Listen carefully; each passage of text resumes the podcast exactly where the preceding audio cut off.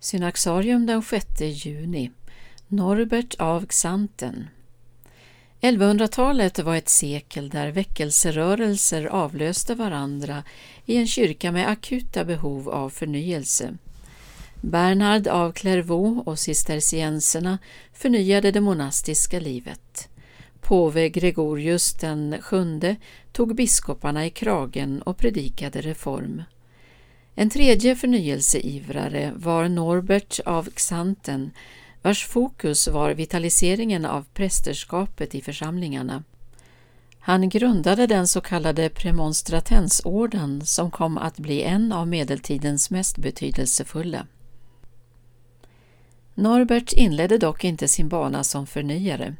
Tvärtom levde han ett tillbakalutat liv i sin kyrkliga karriär och avböjde alla uppdrag som riskerade att inkräkta på hans vidlyftiga umgängesliv. Men en kort tid efter att han fyllt 30 var Norbert med om en radikal omvändelse. Efter tre år av bön och andlig fördjupning kände han kallelsen att bli präst.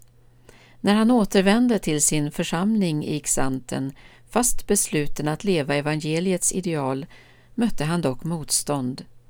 Den pånyttfödde Norbert var en tagg i köttet på de loja prästerna. Han avsade sig nu all bekvämlighet och förmögenhet.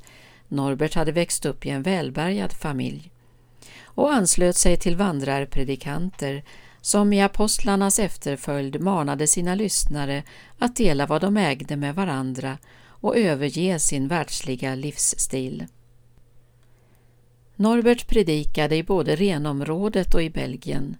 År 1121 slog han sig ner tillsammans med 40 av sina medbröder i Premontré nära den franska staden Lons. Det blev upprinnelsen till premonstratensorden vars medlemmar hade som en av sina främsta uppgifter att hålla bönens låga vid liv i församlingarna och verka för att eukaristin firades regelbundet. Snart anslöt sig även kvinnor och grundade kommuniteter vid sidan av de manliga gemenskaperna. I vissa fall skapades därmed en typ av dubbelkloster. År 1126 valdes Norbert till ärkebiskop i Magdeburg. I sin roll som en kyrkans herde ägnade han sina krafter åt att evangelisera de östra delarna av Tyskland och reformera församlingslivet. Han betonade prästernas skyldighet att vara exempel på ett liv i utgivande kärlek genom att dela med sig av både de materiella och andliga gåvor man fått. Norbert av Xanten dog i Magdeburg den 6 juni 1134. Den modell han efterlämnade för hur präster kan leva i kommunitet kom att bli mönsterbildande för lång tid framöver.